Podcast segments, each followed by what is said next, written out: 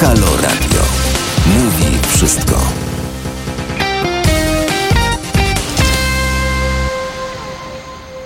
Witam Państwa serdecznie, kłaniam się nisko, Marcin Górski po tej stronie. Zaczynamy nasze rozmowy.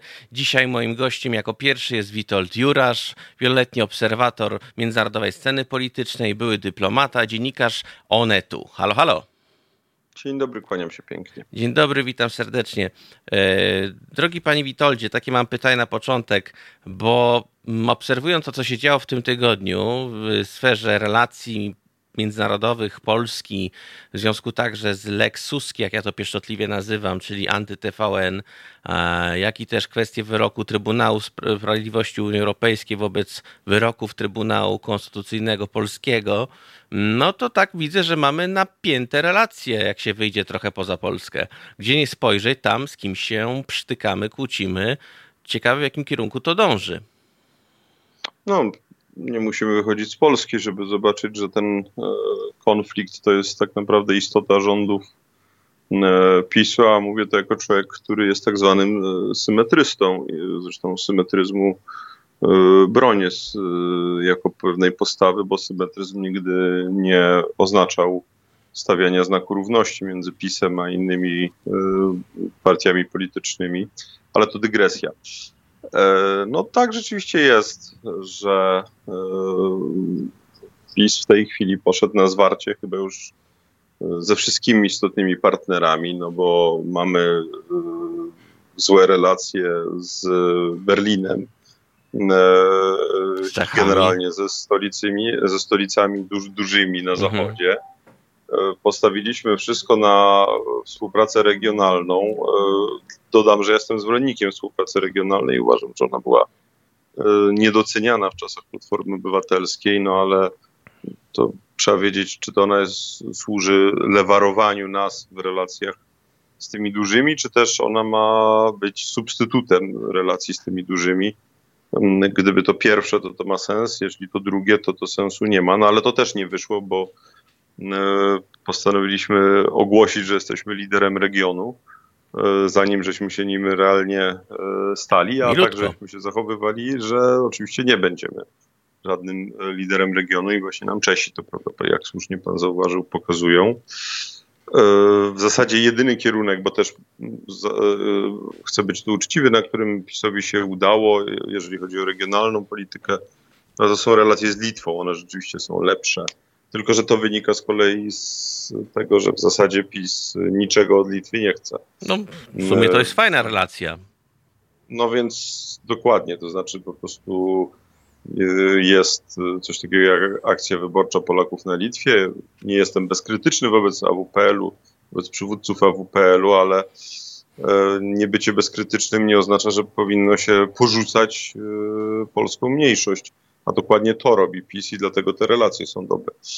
E, no, e, relacje z, ze Stanami Zjednoczonymi e, były bardzo dobre za Trumpa, chociaż powiedzmy sobie uczciwie, że też PiS wykazał się pewną, pewnym stopniem szaleństwa, bo z jednej strony w kółko powtarza, jak to prawda, Izrael jest wpływowy w wersji hard, Żydzi rządzą Stanami Zjednoczonymi. Oczywiście to przesada, ale że lobby izraelskie jest tam silne, to jest fakt. Mhm. E, no i w związku z tym postanowiliśmy się pokłócić z Izraelem, to logiczne, prawda? To no, no faktycznie.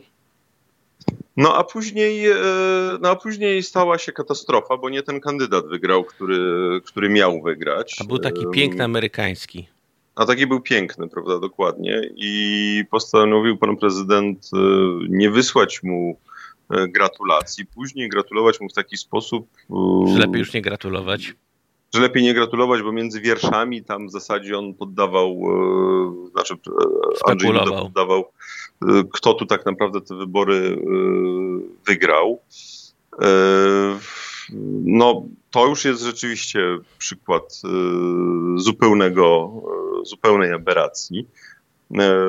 Tutaj tak warto wspomnieć e, jednego z twórców e, w ogóle koncepcji polityki e, na kierunku amerykańskim, Przemysława Żurawskiego-Welgrajewskiego, który napisał taki tekst, który w zasadzie powinien zakończyć jego karierę, ale nie zakończył. Mianowicie napisał, że powinniśmy postawić na Trumpa, a możliwość, że ktoś inny, że Trump nie wygra, zignorować. Oj, oj, oj. Pan Przemysław Żurawski-Wielgrajewski zresztą nadal uważa, że ma rację, że miał rację, bo uważa, że tak należy postępować w dyplomacji. I wciąż jest wiceministrem spraw zagranicznych. No nie, nie, nie, nie, on nie, nie, nie, on nie jest wiceministrem, nie, jest doradcą. A jest doradcą, przepraszam ale jest też doradcą Komisji mm, Spraw Zagranicznych Sejmu. No jest jednym z kluczowych twórców polityki, najwyraźniej jest ok, ale też powiedzmy sobie uczciwie, E, że tą politykę mm, uderzania w Bidena bardzo na przykład wspierali e, no, szef Polskiego Instytutu Spraw Międzynarodowych. To jest taki gentleman, który był kiedyś e, jednym z autorów resetu polsko-rosyjskiego, który jak wiemy PiS potępia. Mhm.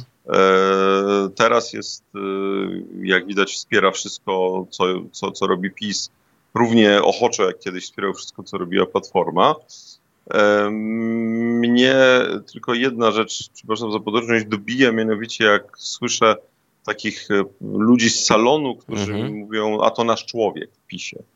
E, więc ja by, byłoby dobrze, żeby może salon się mniej więcej czasami zainteresował, e, co ludzie piszą, co robią, a nie jedynie bazował na tym, że są dla nich mili. No ale to, że tak powiem, nasz polski salon nie jest do tego intelektualnie zdolny.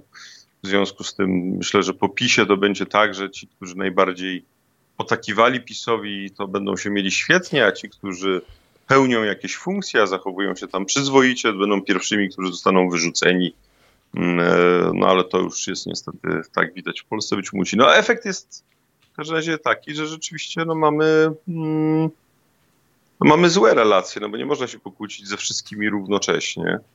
E, ja kiedyś napisałem taki, e, taki tekst, w którym powiedziałem tak, że Platformie się wydaje, że istotą polityki zagranicznej jest bycie miłym dla wszystkich, a PiSowi się wydaje, że bycie miłym nie ma żadnego znaczenia. I e, stwierdzam, że coś, że chyba trafiłem w sedno. Znaczy, nie żeby to było jakieś szczególnie odkrywcze, e, ale po prostu czasem się udaje rzecz nieodkrywczą w jednym zdaniu ująć.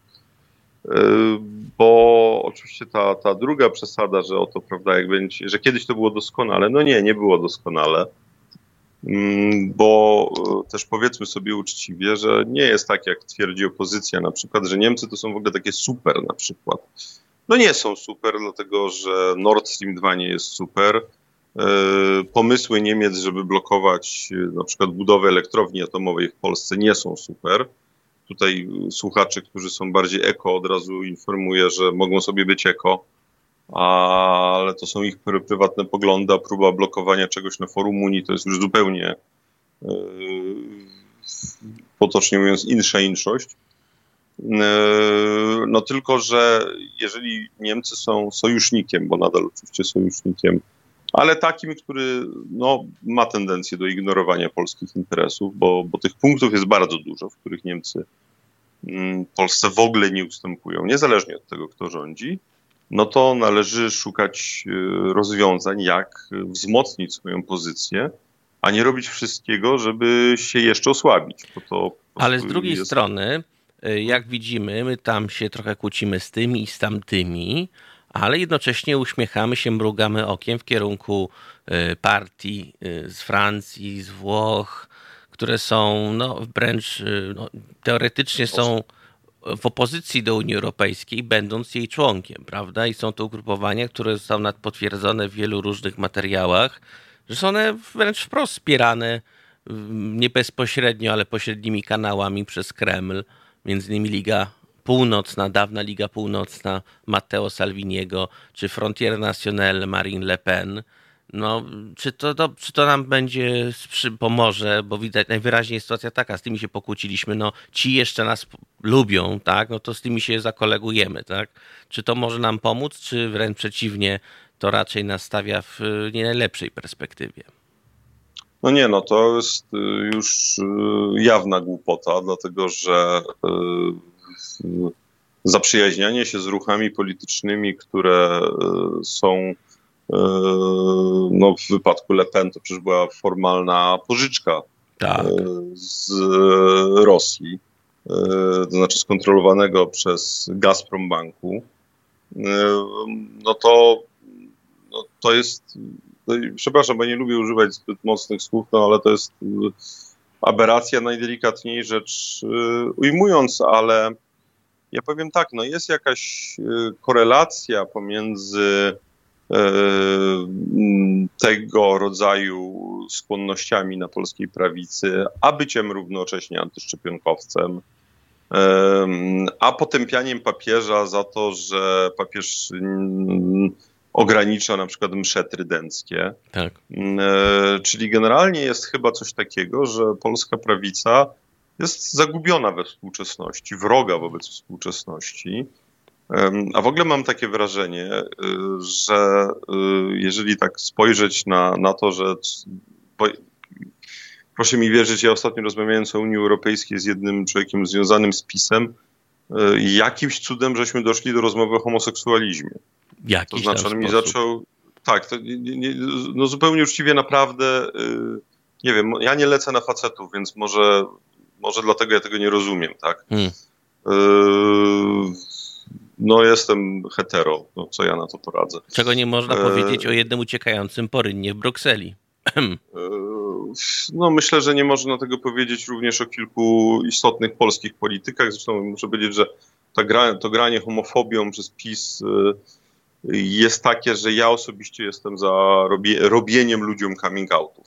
Tak. To znaczy, jeżeli ktoś działa w ruchu, który E, gra homofobią, to nie ma znaczenia, że on sam może nie gra homofobią. Mówiąc krótko, jeżeli są informacje na jego temat, że jest homoseksualistą, należy to opisać. No, to, to, to taka, taka, hipokryzja, dość, dość... taka hipokryzja była też w wykonaniu y, republikanów w latach 50. z komisji McCarthy'a, która walczyła z komunizmem. Tam wśród tych y, najbardziej antykomunistycznych i anty, y, absolutnie homofobicznych był adwokat Roy Cohn, który jak się po latach okazało był homoseksualistą, tylko jak on się bronił, to mówi, że nie jest homoseksualistą, tylko jest heteroseksualistą, który uprawia seks z homoseksualistami, więc po prostu komedia totalna, ale to jest nic nowego, my po prostu to jest taki sposób tworzenia jakiegoś przeciwnika, żeby ten ciemnogród kimś zastraszyć. Jak nie to, to kto inny będzie. Jak nie y, LBGT, to będą, nie wiem, ekolodzy. Jak nie ekolodzy, to nie wiem, rowerzyści. No nie wiem, no zastanawiam się, kto następny będzie wrogiem numer jeden, żeby tylko, że, nastraszyć tylko, ludzi. No tak, tylko że tak jak pan to ujmuje, to wynikałoby z tego, że tak naprawdę polska prawica nie wierzy w to, co mówi, a ja niestety boję się, że jest znacznie gorzej. Hmm. Znaczy, ja mam wrażenie, że e, znaczna e, część e, polskiej prawicy e, nie gra homofobią, ona po prostu jest homofobiczna. Znaczna część ma problem ze współczesnością, z nowoczesnością, w ogóle z otaczającym światem i się go boi, a nie tylko udaje, że się go boi. Nie rozumie świata współczesnego, rozumie, rozumie świat wyłącznie taki miniony, tak, taki zero-jedynkowy, czyli nie rozumie tym samym. Jest tylko czarny i polityki. koniec.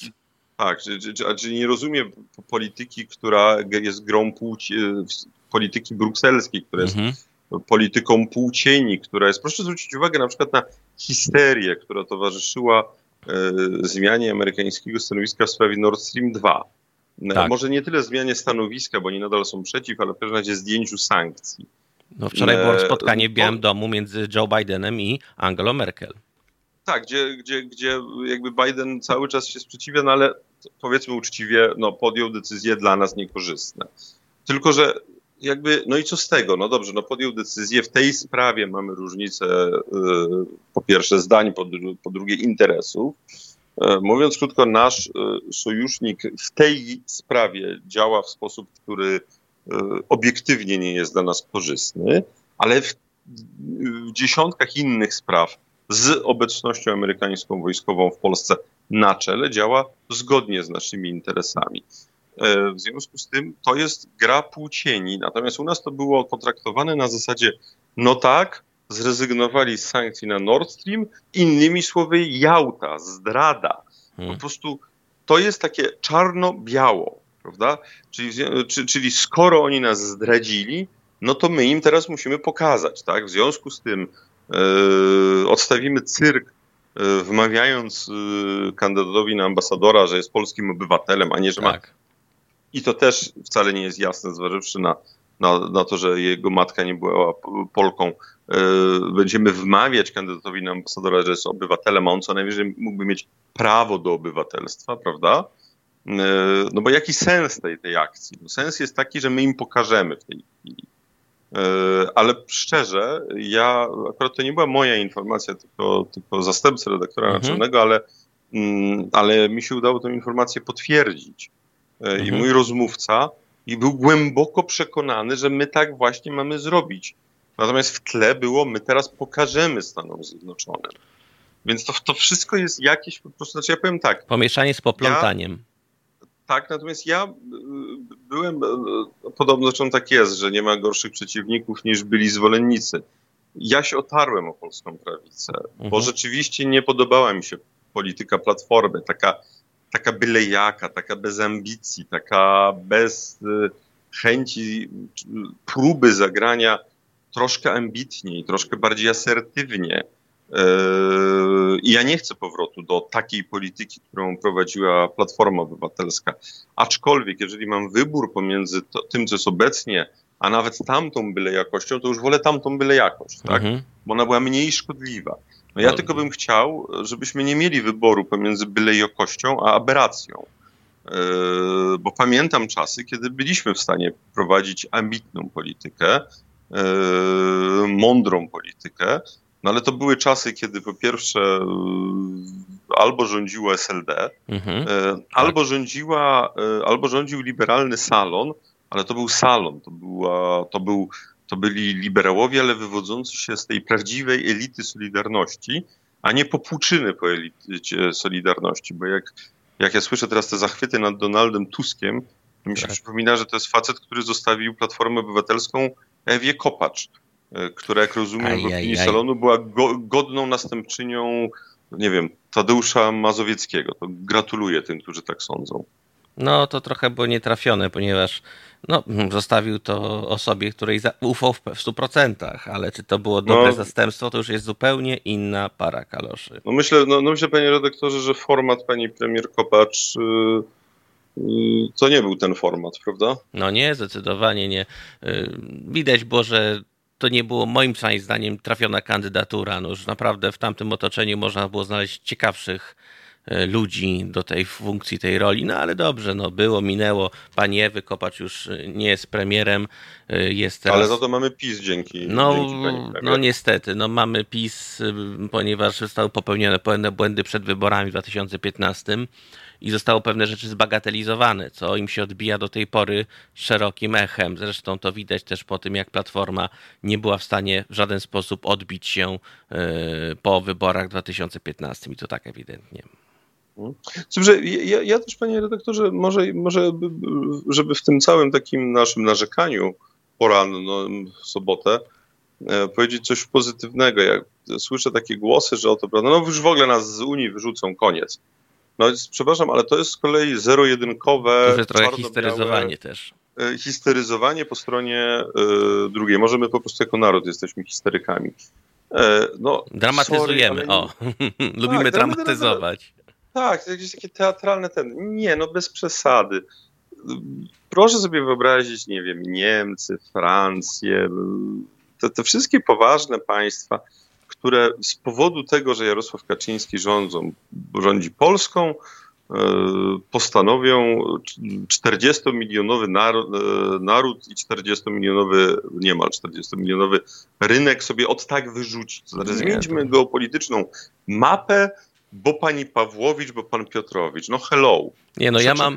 po prostu. Jak kiedyś rozmawialiśmy o tym, pamiętam, to przyszło mi do głowy takie porównanie jak z takiego obiadu rodzinnego, że My będziemy, przejdziemy z takiej roli takiego istotnego członka rodziny, bez którego nie można sobie wyobrazić tego obiadu, do pozycji tego, no, tego kuzyna trzeciego stopnia, który no, jako jedyny w całej rodzinie tam mówi na głos, że coś mu się nie podoba ciągle, ale my będziemy na tym obiedzie, tylko będziemy gdzieś tam w rogu, z tyłu siedzieli. Na, koń, no, na, koń, na końcu stołu, tam bliżej dzieci. Prawda? Dokładnie, to, to coś w tym stylu, bliżej dzieci, a tak, to jest nasz ten kuzyn, wiecie, o którym nie rozmawiamy na co dzień, tak, jest członkiem rodziny, rodziny, no gada głupoty, no ale dobra, no jest członkiem rodziny, niech zje tą zupę, kotleta, no dobrze, tam coś papla pod nosem, ale dobra, i tak go nikt nie słucha. No więc, więc dlatego byłbym, oczywiście to nie jest dobrze, dlatego że to nas osłabia, ale też nie wpadajmy z kolei w tą, prawda, e, że z jednej strony mamy histerię, bo tam Amerykanie nas zdradzili, e, gender nas zje i w ogóle za moment e, będą nas wszystkich przerabiać na, na gejów, albo z drugiej strony wyrzucą nas panie z Unii i w ogóle będzie katastrofa i już po prostu Donaldzie musisz ratuj Polskę, prawda? No bo, Donald Polskę zbaw. Donald Polskę zbaw, dokładnie. Dobrze, więc tym może akcentem trochę takim podczęściowo humorystycznym zakończmy. Jeszcze na pewno będzie okazja, żeby porozmawiać, bo no niestety nasze relacje no nie są najlepsze, ale to jeszcze nie oznacza od razu, że będzie nie wiadomo jaka katastrofa za rogiem, ale idąc dalej w tym kierunku na pewno sobie nie pomożemy. Dziękuję bardzo za poświęcony czas. Moim i Państwa gościem był Witold Jurasz, były dyplomata, dziennikarz Onetu. Dziękuję bardzo poświęcony czas. Dziękuję, kłaniam się pięknie. Kłaniam się pięknie, a ja za chwilę będę rozmawiał z moim kolejnym gościem, profesorem Tomaszem Słomką, o tym, co nas ostatnio ciekawego spotkało w niełatwych relacjach. Dalej będzie o Unii Europejskiej, relacjach, ponieważ no, wyrok Trybunału Sprawiedliwości Europejskiej dosyć jasno uderzył w wyrok Trybunału Konstytucyjnego, ale o tym już za chwilę. E, następnym gościem, który to jest profesor Tomasz Słomka, e, profesor Wydziału Nauk Politycznych i e, Studiów Międzynarodowych. Z Uniwersytetu Warszawskiego. Witam serdecznie, panie profesorze. Dzień dobry, panie redaktorze, dzień dobry państwu. Witam serdecznie, się kłaniam jeszcze raz. E, mamy niełatwe relacje teraz, mamy dosyć trudne relacje i nie mam na myśli moich z panem profesorem, tylko generalnie no, trochę się kłócimy i sprzeczamy, ponieważ no, Trybunał Sprawiedliwości Europejskiej dosyć jasno słowami e, profesora też prawa polskiego powiedział jasno, Safiana e, wyraził opinię na temat wyroku Trybunału Konstytucyjnego, który no niestety w dosyć mało konsekwentny sposób wykazał się wysokości ważności prawa polskiego nad unijnym. I tu jest trochę kwestia dyskusyjna, bo z jednej strony jesteśmy członkiem Unii Europejskiej, jesteśmy w jednym klubie, więc gramy według zasad tego klubu, ale mamy też pewne poczucie autonomii. Okej. Okay Panie profesorze, co można wywnioskować z tych niełatwych hm, jakby wymian zdań między Unią Europejską a Polską? Czy to jest taka gra Jarosława Kaczyńskiego, czy może jednak faktycznie walczymy o jakąś, nie wiem, naszą dumę? Panie redaktorze, pierwsze pytanie jest takie, pierwsza refleksja. O jakiej autonomii my możemy mówić w sytuacji, mm, kiedy podpisaliśmy określone y, umowy międzynarodowe? Myślę tutaj o dwóch y, podstawowych, czyli traktacie akcesyjnym i e, traktacie lizbońskim, czyli traktacie o Unii Europejskiej. E, one wyraźnie rozgraniczają, co należy do e, kwestii wspólnych, a co należy do kwestii pozostawionych państwom członkowskim. I ja myślę, że tutaj nie ma co, mówiąc brzydko, wyrąbywać sobie jakiejś źle pojmowanej autonomii, ponieważ przecież my nie utraciliśmy ani niepodległości, ani suwerenności z tytułu tego przystąpienia, a przystąpiliśmy dobrowolnie, a więc y, dla mnie takie starcie z, y, z organizacją, do której dążyliśmy przez wiele lat i która nas nie wchłonęła, tylko my się do niej zaprosiliśmy i zostaliśmy przyjęci, jest co najmniej y, w, dziwne. I teraz pan pyta o, o pewne gry polityczne. Oczywiście jest coś takiego, co bym nazwał od, od kilku przynajmniej lat, a może nawet kilkunastu, e, jest to spowodowane różnymi czynnikami, na przykład kryzysem po 2008 roku, kryzysem migracyjnym, e, e, kryzysem w związku z tym ujawnionym również pewnych struktur Unii Europejskiej, która nie potrafiła poradzić sobie z dylematami. Tak. Ja zauważam narastanie takich tendencji E, populistyczno-demagogicznych, a nawet mówię dalej, że mamy do czynienia z pewnymi takimi nowymi modelami systemów politycznych demagogiczno-populistycznych. I przykładem nich są, e, są e, systemy węgierski, czy, czy polski, czy, czy po jakiejś, jakiejś mierze rumuński, jeśli chodzi o Unię Europejską. I polega to na tym, że my koniecznie musimy pokazać, że będziemy. Mamy swoje chronić, do powiedzenia. E, mamy swoje do powiedzenia, ale będziemy chronić tej suwerenności, niepodległości bardzo mocno. Tak jakby naprawdę ktoś próbował nam ją zabrać. Wywołuje się jakieś demony, przywołuje się nawet coś takiego, powiem szczerze, obrzydliwego, jak porównanie, porównanie ze Związkiem Radzieckim. Ze Związkiem Radzieckim, Właśnie ze stolicą Brukseli. Tak. No, no to jest coś niepojętego, ponieważ pan redaktor doskonale zna historię, ja znam historię. I doskonale wiemy, że nam, nas się w 44, 5, 6 czy 7 roku nikt nie pytał, czy wy chcecie przystąpić do bloku wschodniego, a może chcielibyście przeprowadzić referendum, na podstawie którego e, e, będziemy w sojuszu razem z nami, czyli ze Związkiem Radzieckim. Mhm. No na litość boską, przecież to jest zupełnie inna kwestia, inna, e, inna historia, inna sytuacja. A więc dla mnie to jest budowanie jakiejś tożsamości politycznej, budowanie swojej pozycji wewnętrznej kosztem e, naszych kluczowych relacji, taki, kluczowych dla dobrobytu i bezpieczeństwa. To jest taki ryzykowny gambit, bo już pamiętamy taki mm, powtórkę z rozrywki, jak to miało miejsce w Wielkiej Brytanii, że premier Cameron chciał uspokoić swoje wewnętrzne relacje, stosując ten gambit i nie, nie bez kozery to nazywam gambitem, bo to był pewien po prostu ryzyk fizyk, taki rzut kośćmi, tak. nietrafiony totalnie, bo liczył, że wyjdą dwa oczka, wyszły dwie szóstki i tu nagle okazało się, że wyszło, wszystko wypadło za burtę. I do tej pory Brytyjczykom się to odbija czkawką. I wiadomo, że chodzi o jakąś grę wewnętrzną, wiadomo, obozu władzy, tylko, że my naprawdę z jednej strony, no okej, okay, rozumiem, że oni chcą coś sobie ugrać swojego, e, swoim wyborcom, ale to naprawdę nas oddala od Brukseli i zbliżamy się niestety dużymi krokami do, no, do, do Rosji, do Kremla. No bo już wiadomo, już rozmawiałem z moim poprzednim gościem o tym, że właśnie jest ta umowa współpracy między National, e, Frontier National Marine Le Pen i Ligą, Północ, Ligą, dawniej Ligą Północną Matteo Salviniego. I postfaszystowskimi braciami Wło Włochami. dokładnie, tak. No, to, no to, to nie jest jednak, y, to jest chyba taka sytuacja, że nie za bardzo mamy gdzie pójść, bo ze wszystkim się pokłóciliśmy, więc idziemy tam, gdzie nas przyjmą z otwartymi ramionami i chyba trochę nieświadomie idziemy w kierunku jeszcze większego pożaru. Panie redaktorze, taki system, który tworzy Prawo i Sprawiedliwość, y, czy Fidesz na Węgrzech, ten system, który nazwałem e, populistyczno-demagogicznym, a też przy innych naszych spotkaniach, pan redaktor pewnie pamięta, nazywałem ten model demokracją totalitarną, tak. E, zakłada, że musi być jakiś wróg.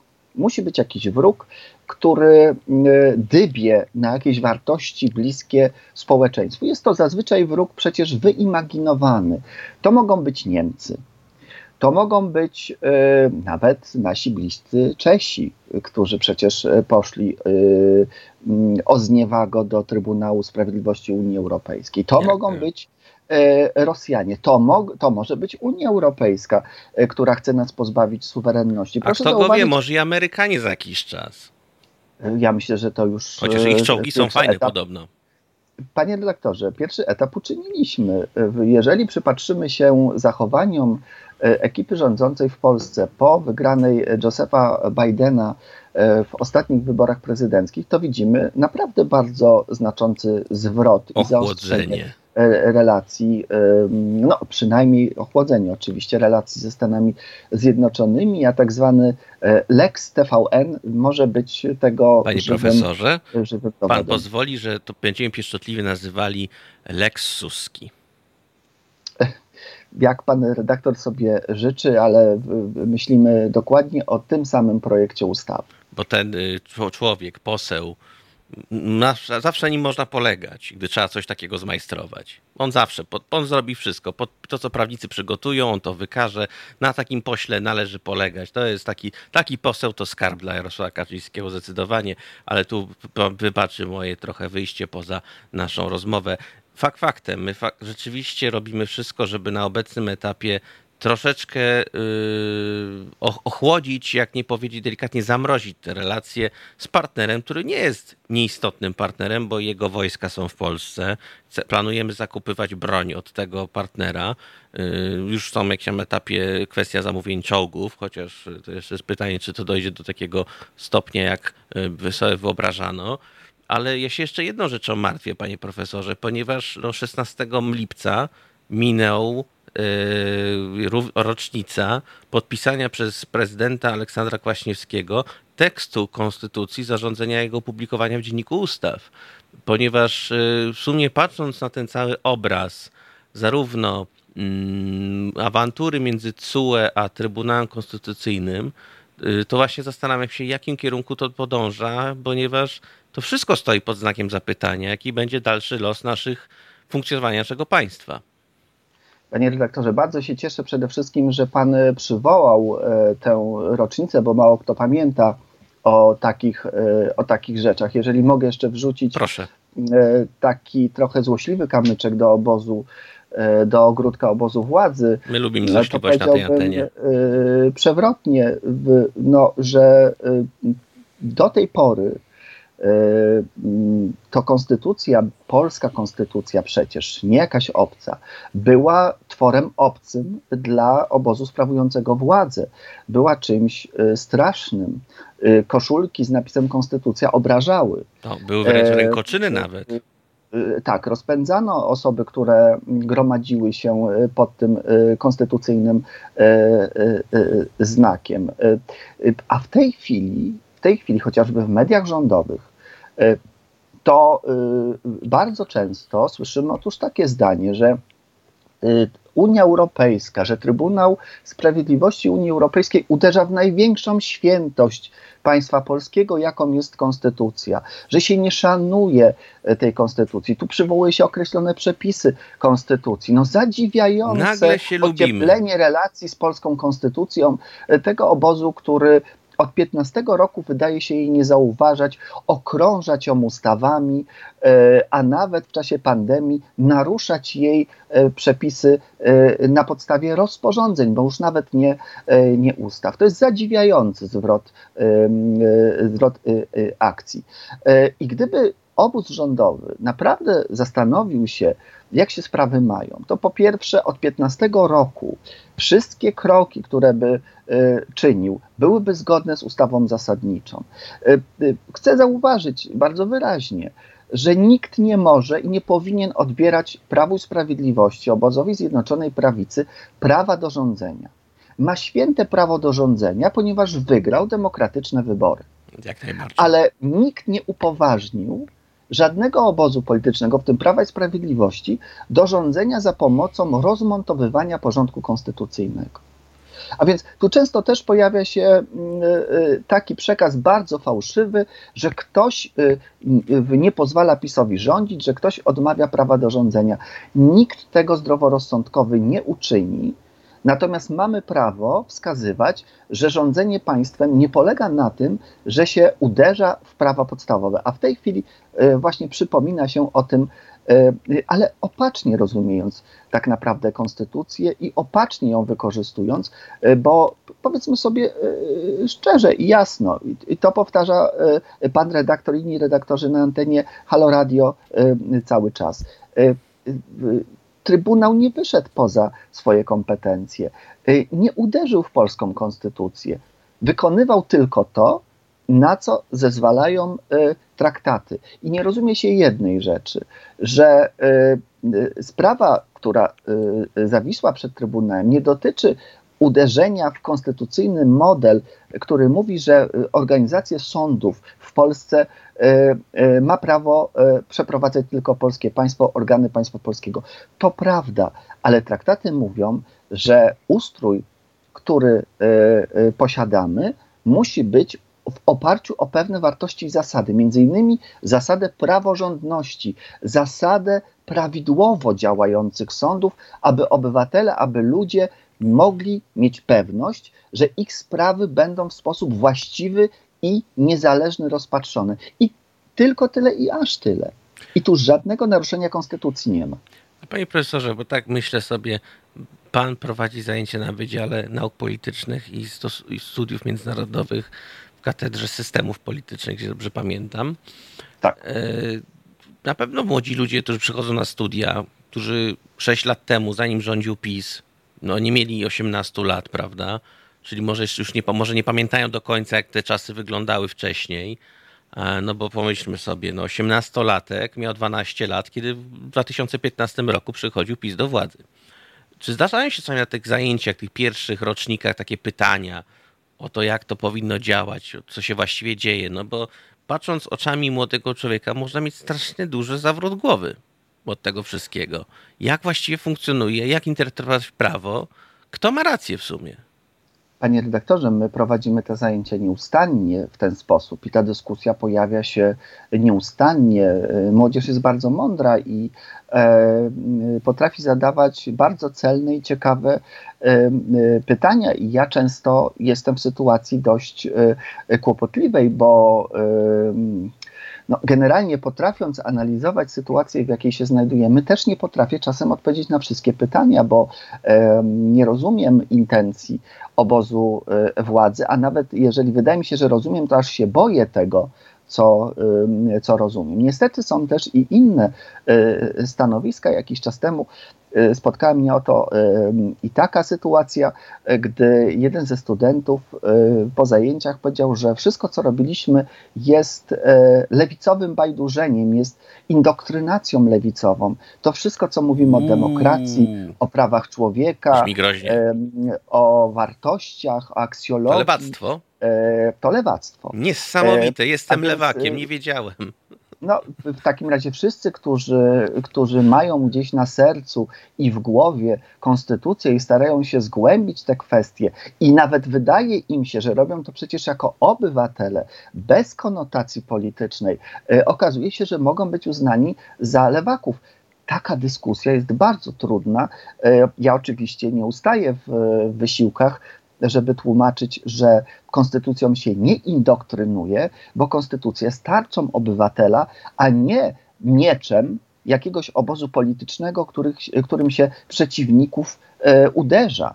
E, mam nadzieję, że, że, że, że uda mi się do, do większej grupy jednak e, dotrzeć, a takie stanowiska, e, o jakich teraz Państwu powiedziałem, będą jednak w mniejszości. A tu mi się przypomina to porównywanie lewactwo z tą myślą o Polsce, nie tylko z pragmatyzmem i romantyzmem Tade, profesora Tadeusza Bodio. Że prawda, jedna rzecz to jest właśnie rządzić pragmatycznie, prawda, a inna rzecz to rozmyślać o dobru narodu że to jest tak właśnie czasami podzielony. Tak samo jak i tak zwany case gracze Aweto, o których pan profesor też kiedyś mi wspominał, że właśnie z jednej strony są ludzie, którzy faktycznie działają, robią e, i chcą działać, a są tacy, którzy po prostu ich na odpowiednim etapie wstrzymują, no bo chęci chęciami, ale też i realizm prawa i działania, możliwości instytucji to są dwie różne rzeczy. No i to jest naturalny balans, który występuje w, w państwie, bo powinny być takie podmioty, które dynamizują e, procesy polityczne, które nadają bieg, które kreują pewne programy. E, I są takie podmioty, które pilnują, czy wszystko to, co się dzieje, jest w, w należytym porządku, czy to nie łamie pewnych zasad i reguł, które e, przyjęliśmy. Przecież patrząc na państwo, myślimy przede wszystkim o regułach konstytucyjnych, zasadach konstytucyjnych. I ja trochę patrzę ze strachem na to, co my z tym balansem zrobiliśmy, bo, e, e, bo stopniowo rozmontowywane są pewne elementy powstrzymujące władzę, ten dynamizm władzy, e, to ta, ta chęć zawłaszczania, naturalna przecież w każdym obozie politycznym, zawłaszczania sobie coraz większej liczby spraw i dziedzin. Taki chociażby element jak Sąd Najwyższy czy Trybunał Konstytucyjny, który ma pilnować tej władzy przed tym chcieństwem, no nie działa już, nie działają już tak jak należy. Cytując pewnego polityka, gdy pięciu sędziów Trybunału Konstytucyjnego neguje to, o czym naród zdecydował w referendum akcesyjnym, to prosta droga do polexitu. Gdy wyroki Trybunału Sprawiedliwości Unii Europejskiej są uznawane za nieistotne, to droga do anarchii. Jeśli nie chcemy wypaść z rodziny wolnych krajów Zachodu, musimy natychmiast tam wrócić i zwalczyć zło. Przesadzone słowa? E, nie, to są piękne słowa. Można powiedzieć, że to jest właściwie e, prawie że poezja polityczna, e, którą należy się przejąć i której istotę należy zrozumieć patrząc na te trzydzieści kilka lat y, naszych starań, y, y, w dzieje tego, co nazywamy trzecią Rzeczą Pospolitą, to przecież jest bezprecedensowy przypadek w historii, kiedy udaje nam się zdecydować samodzielnie, suwerennie o tym, że będziemy w grupie państw wolnych, będziemy w grupie państw demokratycznych, będziemy w grupie państw konstytucyjnych, gdzie konstytucja nie jest tylko ornamentem, a jest rzeczywistym elementem e, obrony człowieka i właściwego działania państwa. I spotykamy się z taką rzeczywistością, kiedy próbuje nam się ten, ten dorobek, ten wolnościowy dorobek odebrać. A co gorzej, spycha nam, nas się te rejony, pan zresztą redaktor już o tym wspomniał, y, od których chcieliśmy uciekać, czyli w rejony wpływu Rosji. Przecież nie o to, nie o to chodziło ojcom założycielom III Rzeczpospolitej. Nie no, jest to bardzo przykry widok, ponieważ my od 89 roku mieliśmy bardzo ładną drogę. Co kolejny krok, kolejny stopień to były, no można to ująć delikatnie, sukcesy, no bo mieliśmy, prawda, okrągły stół, pokojowe zmiany systemu, bez żadnych aktów przemocy większych. Panie prawda? redaktorze, przepraszam, że wejdę panu Oczywiście. w słowo. Pan wie, że również um, zmieniła się w dużej mierze polityczna optyka dotycząca okrągłego stołu. No wiem, to, co wiem. do pewnego momentu uznawano i słusznie moim zdaniem, analizuję te kwestie, badam je przez długie mhm. lata, analizowano jako może niewdzięczny z punktu widzenia takiego stricte politycznego e, przypadek rozmowy z reżimem niedemokratycznym. E, no bo nigdy z tymi, którzy gnębią i odbierają wolność, nigdy ta, ta rozmowa nie jest pewnie sympatyczna, ale uznawano, że ona była niezbędna po to, aby Polska nie spłynęła krwią, aby zmiany były wynegocjowane, aby dało się to, co możliwe, przy stole, a nie na ulicy wynegocjować. W tej chwili jest postrzegane przez bardzo wiele środowisk jako zdrada, jako odstępstwo. Ale od czego? Od tego, że chcieliśmy pokojowych y, zmian? Że oczywiście nie dopilnowano bardzo wielu rzeczy i możemy jako obywatele y, y, żałować. Ale błędy zdarzają się wszędzie i każdemu. To nie jest, prawda, tak. wyjątek że, że były e, problemy, że było, nie wiem, uwłaszczenie Przepraszam, panie profesorze, ale... Ale no to tak niestety czasami się zdarza. Ale jak my o tym mówimy, niwelować. jak pan mówi o tym, że się przestrzega, postrzega jako zdradę, to trochę jakbyśmy teraz... Czy wyobraża pan sobie sytuację, że w RPA, Republice Południowej Afryki, tak nie wiem, w 2010, 2020, nagle ktoś powiedział, że Mandela zdradził czarną grupę mieszkańców y, RPA, ponieważ usiadł do stołu do rozmów z rządem, prawda, Afrykanerów. Podobna sytuacja miała tak samo jak i u nas miejsce. Tam doprowadzono do rozmów. Nie były one łatwe, ale w miarę też powiedzmy pokojowo jakoś ten apartheid poszedł w niepamięć. Były nowe rządy i Mandela też jakby przystąpił nie do całkowitej eliminacji białego człowieka w establishmentie, tylko wręcz część zachował, bo wiedział, że ci ludzie mają doświadczenie i wiedzę. To, to trochę jakbyśmy mieli właśnie teraz taką sytuację z Mandelą, że nagle ktoś jego oskarża, już pośmiertnie, że zdradził kraj. Prawda?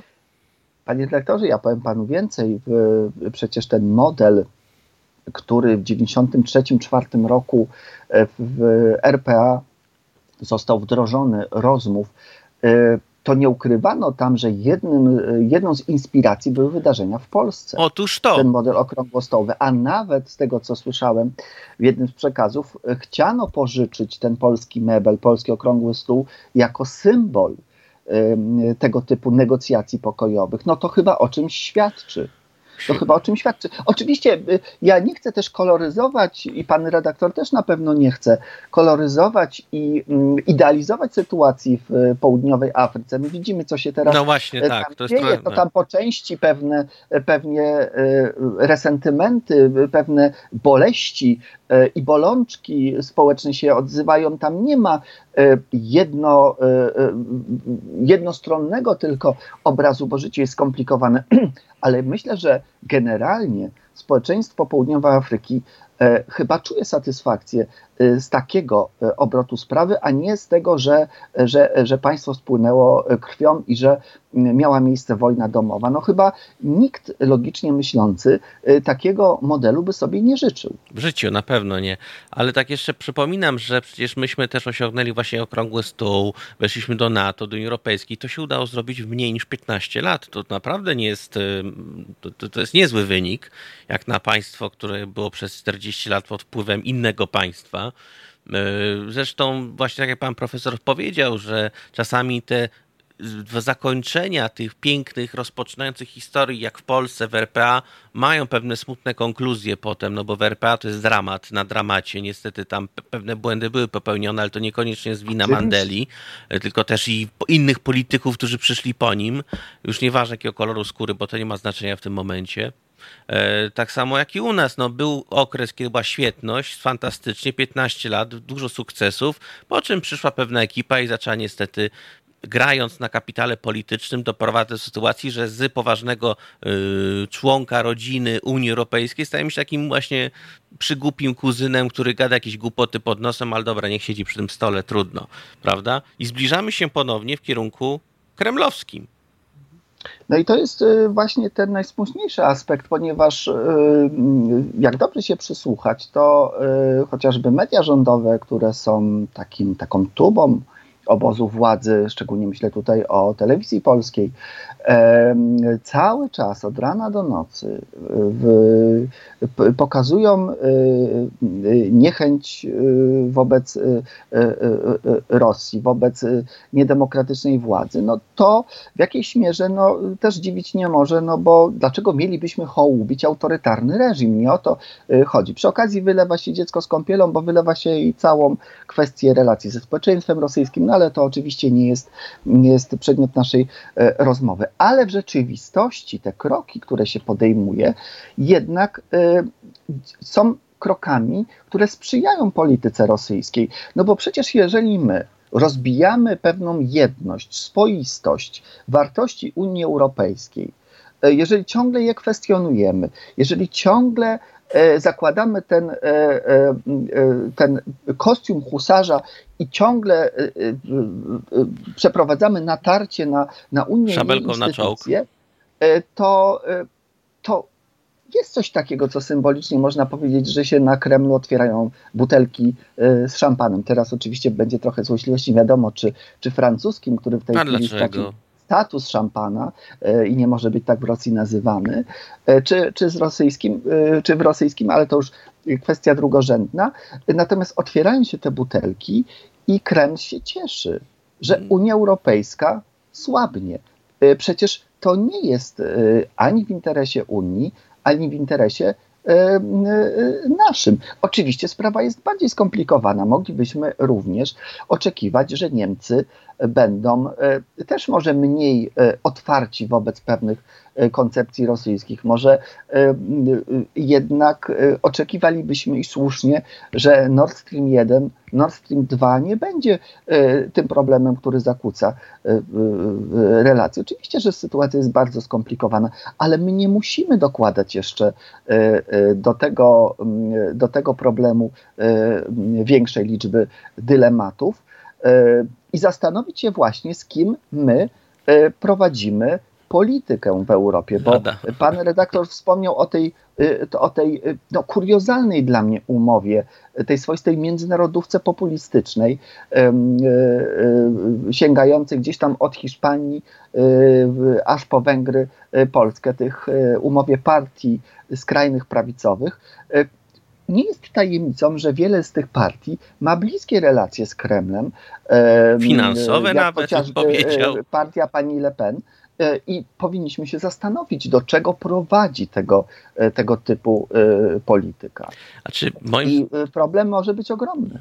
Znaczy, panie profesorze, może tak parafrazując słowa Alberta Einsteina, że generalnie nie wiemy, z kim będziemy prowadzić e, rozmowy teraz, bo już będzie coraz większy znak zapytania, ale na pewno będzie wiadomo, z kim następnie będziemy prowadzić rozmowy, czyli z nikim, ponieważ dalsze prowadzenie tych rozmów z Węgrami, z Turcją, z Rosją, z, no, z, mówmy się, z państwami, które demokratyczne pojęciu mają takie określone mniemanie, może spowodować to, że w jakiejś tam przyszłości już nie będzie naprawdę z kim rozmawiać, ale tak naprawdę z kim nie będzie w ogóle, a już wtedy naprawdę nie będzie za bardzo co zrobić. No i pytanie, co dalej, ale to już inna no, kwestia. Panie doktorze, ja mam nadzieję, że nastąpi pewne otrzeźwienie i że pewne priorytety i wartości, które y, tej naszej rodzinie atlantyckiej, nazwijmy to szeroko, wliczając to w NATO i Unię Europejską, to będą dalej przyświecać. No, zobaczymy, jak to wyjdzie w praniu. Bądźmy dobrej myśli. Jak zawsze optymistycznie próbujemy zakończyć nasze rozmowy. Panie profesorze, za co bardzo dziękuję. Moim i Państwa gościem był profesor Wydziału Nauk Politycznych i Studiów Międzynarodowych Uniwersytetu Warszawskiego, profesor Tomasz Słomka. Dziękuję za poświęcony czas. Dziękuję serdecznie, z całą przyjemnością. Dobrego dnia. Dziękuję i kłaniam się bardzo, a Państwa zapraszam do dalszej części naszych programów. Do najbliższego zobaczenia. Wspieraj niezależne Halo Radio, które mówi wszystko. www.halo.radio ukośnik SOS. Dziękujemy.